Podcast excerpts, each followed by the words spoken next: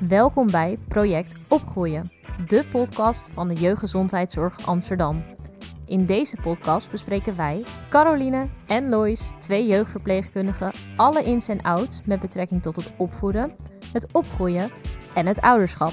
We beantwoorden alle vragen die je hebt of waarvan je niet eens wist dat je ze had. Luister vooral naar ons wanneer het jou uitkomt.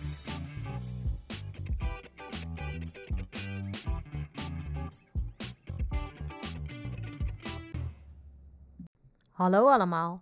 Leuk dat je luistert naar een nieuwe aflevering van onze podcast. We naderen alweer het einde van het eerste seizoen. Ehm, en vandaag is de aflevering iets anders dan normaal. We hebben namelijk vandaag een QA voor jullie klaar liggen. Wat betekent dat we de meest gestelde vragen gaan beantwoorden die we hebben ontvangen in onze mailbox. Heb jij nu ook een vraag voor het volgende seizoen? Dan kan je ons altijd mailen op projectopgroeien.ggd.amsterdam.nl. Het goede nieuws is dat we volgend jaar opnieuw een seizoen zullen uitbrengen. En wees niet getreurd, want we sluiten dit jaar nog goed af met een hele leuke editie, namelijk de vakantiespecial. Uh, en in deze aflevering gaan we jullie meenemen in alle ins en outs wat te maken heeft met vakanties, zoals reizen, uh, maar ook hoe om te gaan met familieetentjes, etc. We hebben de ingestuurde vragen hier voor ons liggen en deze gaan we zo meteen met jullie doornemen. Goed om te weten is dat deze vragen gewoon uh, ja, at random worden behandeld. En dat ze natuurlijk altijd anoniem zijn. Dus we zullen nooit namen meenemen. In de beschrijving van deze aflevering kun je vinden om welke vragen het gaat. Dus kan je ook zien of jouw vraag er ook tussen staat. Um, ik kan me voorstellen dat je misschien niet de hele aflevering wil luisteren. Maar we vinden het natuurlijk superleuk als je wel tot het einde luistert. En misschien zitten er nog wel vragen tussen met antwoorden die toch wel bruikbaar zijn voor je. We gaan uh, snel beginnen, denk ik. De eerste vraag die we hebben binnengekregen gaat over krampjes. Um, dit is een vraag van moeder die heeft het ingestuurd en die zei: Mijn kindje heeft krampjes. Wat nu? Hoe kan ik mijn kindje helpen? Nou, ik denk dat eerst dat het goed is dat we gaan kijken naar wat de reden ervan kan zijn dat je kindje last heeft van krampjes. Uh, om te beginnen um, is het goed om te weten dat je baby um, bij het begin nog last heeft van krampjes, omdat het maag-darmstelsel nog niet volledig is ontwikkeld. Dit betekent dat de vertering van het voedsel wat moeilijker verloopt en hierdoor kan gasvorming in je darmen ontstaan. Deze gasvorming, dat zorgt er uiteindelijk voor dat je kindje last kan krijgen van krampjes. Om goed advies te kunnen geven is het voor ons ook belangrijk om te weten hoe oud je kindje is. En in het geval van de vraag van deze moeder is het kindje zeven weken oud. Ja, en dan denk ik meteen dat wat ik als tegen ouders zou zeggen is dat uh, de piek van de krampjes vaak plaatsvindt in de leeftijd tussen de zes en de acht weken. Uh, dus dan is het eigenlijk dat het haar kindje uh, zoveel last heeft van de krampjes op dit moment iets wat heel normaal is. Ik vind het toch wel belangrijk om te benoemen, zodat ouders weten dat dit niet iets unieks is, maar dat het gewoon vaker voorkomt. Ja, het is iets heel normaals en je kan er dus ook heel veel aan doen eigenlijk. Hè? Dus dat is weer het goede nieuws hiervan. Absoluut. Um, en daarbij, hè, we hadden net aangegeven dat het sowieso um, voor de darmen altijd even wennen is en moeilijk, waardoor ze last kunnen hebben van uh, nou ja, gasvorming en dus krampjes. Maar we willen ook altijd graag weten uh, wat voor voeding kindjes krijgen. Krijgen ze borstvoeding of krijgen ze kunstvoeding? Bij beide soorten voeding kan het zo zijn dat je kindje wat lucht binnenkrijgt. En die lucht moet er natuurlijk ook op een manier weer uit. Dit kan ofwel door een boertje ofwel door een scheetje. Tijdens het geven van de voeding is het fijn om je kindje te helpen met uh, dat ze ook tussendoor een boertje gaan laten. Dit kan je doen wanneer je borstvoeding geeft, dat wanneer je twee borsten aanbiedt, dat je het zodra je je linkerborst bijvoorbeeld hebt gehad, dat je dan tussendoor even een boertje opwekt door je kindje omhoog te houden, zachtjes op het ruggetje te kloppen en vervolgens naar je rechterborst te gaan. En bij het geven van de fles is het fijn om even tussendoor een pauze in te lassen. Gemiddeld duurt het geven van de flesvoeding tussen de 20 en de 30 minuten. Als het korter duurt dan 20 minuten, dan is het altijd even goed om te kijken naar wat voor speen je gebruikt. Er zijn spenen met grotere gaatjes en spenen met kleinere gaatjes. Hoe sneller je kindje de voeding drinkt, hoe meer lucht er naar binnen gehapt wordt, hoe meer last ze hebben van de krampjes. Dit zijn allemaal tips die je kan gebruiken om de krampjes zoveel mogelijk in te perken en te voorkomen. Maar wat kan je doen als je kindje de krampjes al heeft? Er zijn twee fijne manieren om de krampjes te verlichten. Eén daarvan is uh, het maken van een fietsbeweging met de beentjes. Dit doe je door ronddraaiende bewegingen met de beentjes te doen. En dit helpt eigenlijk je baby uh, te ontspannen. Uh, wat ook fijn kan zijn, is zachtjes het buikje van je baby te masseren. Hierbij is het fijn als je warme handen gebruikt. Als je koude handen doet, kan dit de baby wat afschrikken. Um, en dan zachtjes ronddraaiende bewegingen maken over zijn of haar buikje. Um, het is niet alleen fijn voor het verhelpen uh, van de krampjes, maar het is ook gewoon een heel fijn en intiem moment tussen jullie twee. Wat ook verlichtend kan helpen voor de krampjes, is als je met je kindje gaat wandelen in een draagdoek of draagzak. Dan komt er natuurlijk wat lichaamswarmte vrij, je kindje hoort jouw hart rustig kloppen en daar kan je kind dus ook rustig van worden. Uh, zeker die op en neer uh, wiegende beweging helpt ook om je kindje wat rustiger te krijgen en soms dus ook tegen de krampjes. Tot slot zijn er nog verschillende producten die verkrijgbaar zijn bij de apotheek of de drogist. Uh, bijvoorbeeld Cinebaby of Infacol. Het is niet zo dat het wetenschappelijk bewezen is dat dit een positief effect heeft op de krampjes. Echter zijn er wel ouders die aangeven hier echt baat bij te hebben voor hun kindjes. Mochten jullie hier behoefte aan hebben, dan kunnen jullie dit natuurlijk altijd proberen. Daarmee sluiten we deze vraag af uh, over de krampjes en gaan we verder naar de volgende vraag. Dit is een hele algemene vraag die binnen is gekomen, namelijk wanneer treden er bijwerkingen bij vaccinaties op? Nou, dat is een hele goede vraag. Um, voor deze vraag gaan we wel even kijken naar de bijwerkingen van de vaccins in de leeftijd van 0 tot 4 jaar. Um, als we kijken naar het schema wat we volgens het Rijksvaccinatieprogramma uitvoeren, dan zijn er een aantal vaccinaties die wij geven. Dan hebben we het onder andere over het uh, vaccin tegen de pneumokokken, de DKTP-HIP HEP B, uh, dat is difterie, kinkhoest, tetanus, polio, HIP en hepatitis B-vaccin en het meningokokken ACWI-vaccin. Um, de bijwerkingen hiervan treden meestal op binnen 48 uur. Daarnaast hebben we dan ook nog het BMR-vaccin, dus bof, mazelen en rode hond. En daarvan zien we dat de reactie eigenlijk optreedt tussen de vijfde en de twaalfde dag na de vaccinatie. Dus dat is echt wel anders dan bij die andere vaccinaties. De meest voorkomende reactie die we zien na een prik, dus uh, bijwerkingen, zijn koorts en hangerig. Um, soms zien we ook dat uh, uh, kindjes een reactie krijgen op de prikplek, dus waar we hebben geprikt. Um, dit is dan meestal wat roodheid, zwelling, warmte, wat pijnlijk of jeuk. Um, bij baby's is deze prik meestal in het dijbeen en vanaf 14 maanden, dus als je kindje een dreumes is, dan zal het in de bovenarm zijn. Um, nou, deze reacties verdwijnen eigenlijk na een paar dagen. Dus dat is normaal en kan geen kwaad. En hoe zit het dan bij een allergische reactie? Nou, een acute, ernstige allergische reactie, uh, dat zien we eigenlijk nooit. Bijna nooit, is heel zeldzaam.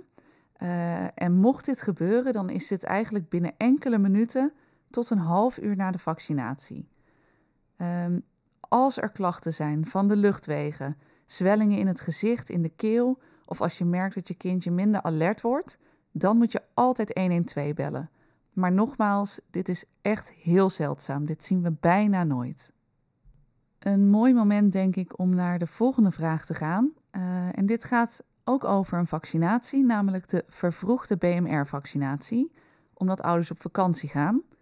Um, de vraag is: Mijn kindje is acht maanden oud. Hoe zit dat dan met die vervroegde BMR-vaccinatie?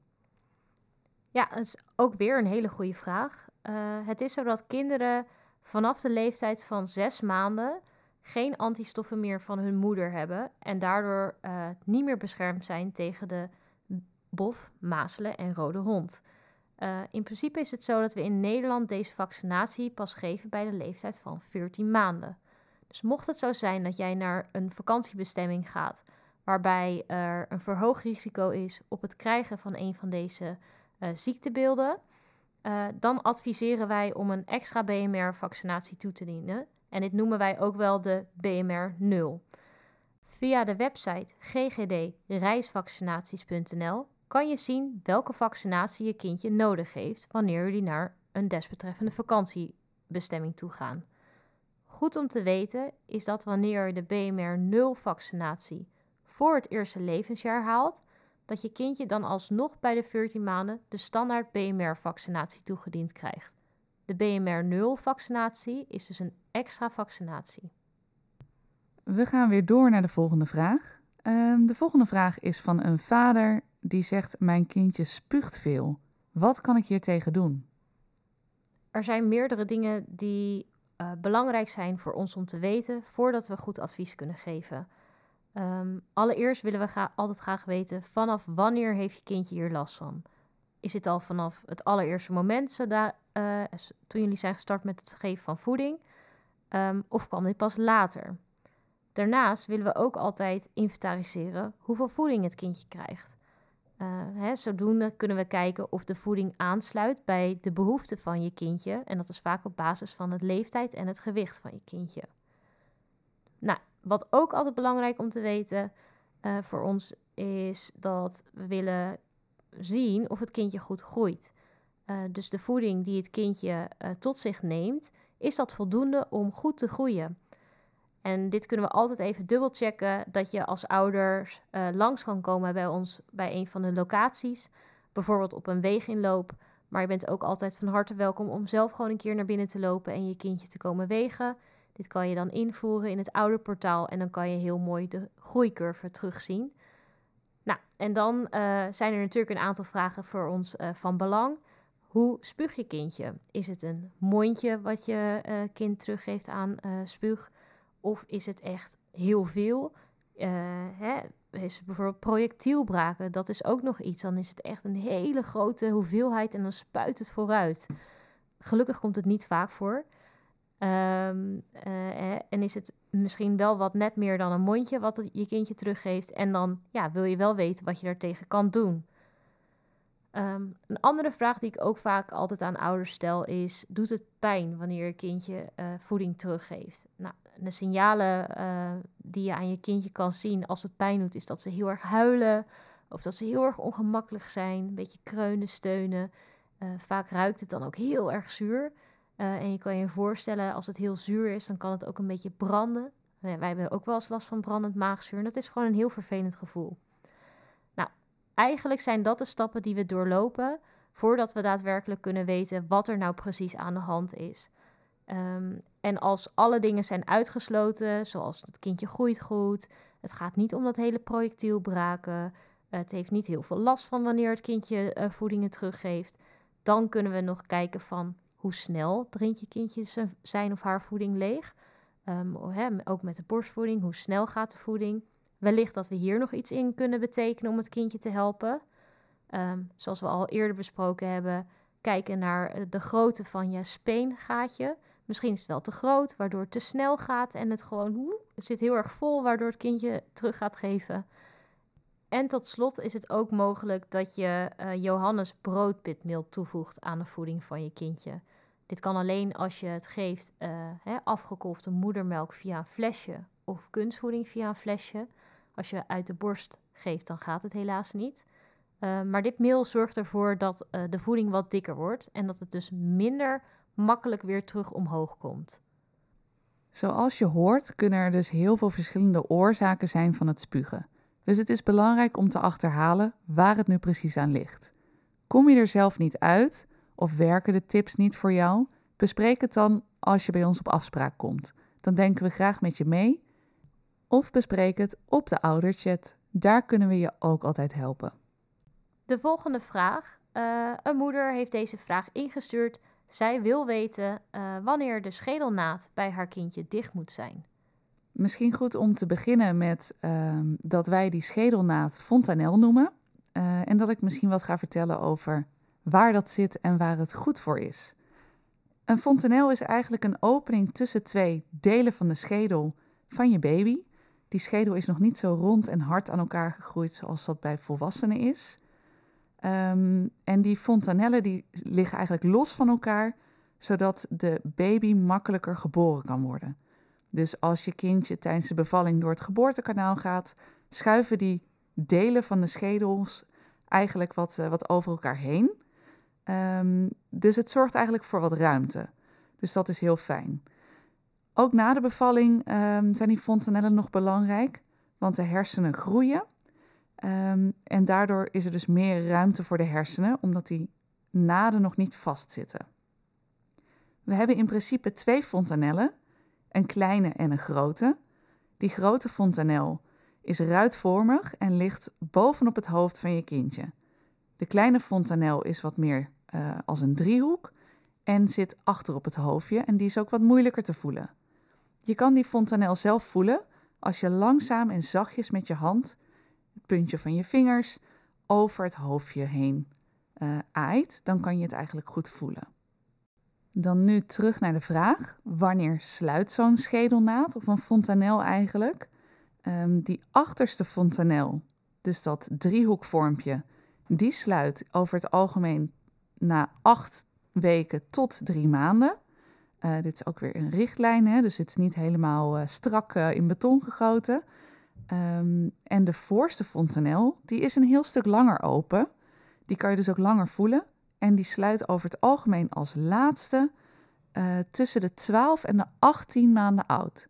Dus dat blijft echt nog wel een tijdje open. Tijd voor de volgende vraag. We zitten op dit moment aan het eind van het jaar, dus midden in het griepseizoen. En deze vraag past daar ook goed bij, uh, want ook kinderen worden soms ziek. En deze vraag luidt: Mijn kindje is verkouden. Wat nu? Nou, er zijn natuurlijk heel veel verschillende manieren die je als ouder zou kunnen toepassen om ja, je kindje te helpen bij de verkoudheid. En de meest logische um, is het gebruiken van een zoutoplossing. Uh, kinderen mogen namelijk nog niet een neusspray gebruiken die wij als volwassenen gebruiken. Uh, maar een zoutoplossing voor baby's kan wel heel erg helpend zijn. Uh, daarnaast heb je tegenwoordig ook van die neuspipetjes. Um, en dit zorgt ervoor dat uh, ja, eigenlijk een soort van vacuüm getrokken wordt in de neus. En daardoor het snot wat vastzit ook wel los kan raken. En dan dus makkelijker eruit komt. Um, het lijkt een beetje ook wel op een, ja, wat wij als volwassenen misschien wel gebruiken, een neusdouche. En dit kan voor verlichting zorgen. Nou, wat je ook nog uh, mogelijk zou kunnen doen is, uh, ja, een beetje de tips die we vroeger uh, meegaven. Namelijk een ui opensnijden en naast het bedje van je kindje leggen. Klinkt niet heel aantrekkelijk, maar goed, het schijnt te helpen. Dus um, dit zou je eventueel kunnen toepassen. Um, wat wij ook altijd meegeven is dat het goed is om te kijken naar hoe je huis qua uh, lucht is. Zorg dat het niet te droog is. Want als het heel erg droog is, um, ja, is het voor je uh, kindje moeilijker om het slijm op te kunnen hoesten. En um, nog een tip om dat slijm makkelijker los te kunnen krijgen, is door met je kindje in een ruimte te gaan staan van een warme douche, waarbij er veel stoom is. En dan kan het mogelijk het slijm wat vastzit ook weer wat losser uh, raken en daardoor makkelijker loskomen. Je hebt nu een aantal hele fijne tips benoemd. Uh, maar ik denk dat ouders het ook wel heel fijn vinden om te weten wanneer ze wel aan de bel moeten trekken. Dus wanneer is er wel reden om contact op te nemen met de huisarts bijvoorbeeld? Ja, zeker. Uh, er zijn een aantal redenen waarbij het absoluut belangrijk is dat je inderdaad de huisarts raadpleegt. Dit is wanneer je kindje, uh, of eigenlijk je baby, jonger dan drie maanden oud is en koorts krijgt. En koorts bij een baby, dat is bij een lichaamstemperatuur vanaf uh, 38 graden of hoger. De temperatuur meet je op uh, via de anus, dus ook wel via het poepgat. Nou, nog een reden om altijd even de huisarts te contacteren is wanneer je baby zo suf is dat hij of zij gewoon niet reageert moeilijk uh, hè, wakker te krijgen is. Dat is eigenlijk altijd een reden om contact op te nemen met de huisarts. of wanneer je kindje echt beduidend minder reageert dan normaal. Nou, ehm, het is ook mogelijk dat eh, wanneer je kindje niet lekker is, dat hij of zij gewoon minder drinkt. Uh, dit hoeft nog geen reden tot paniek te zijn.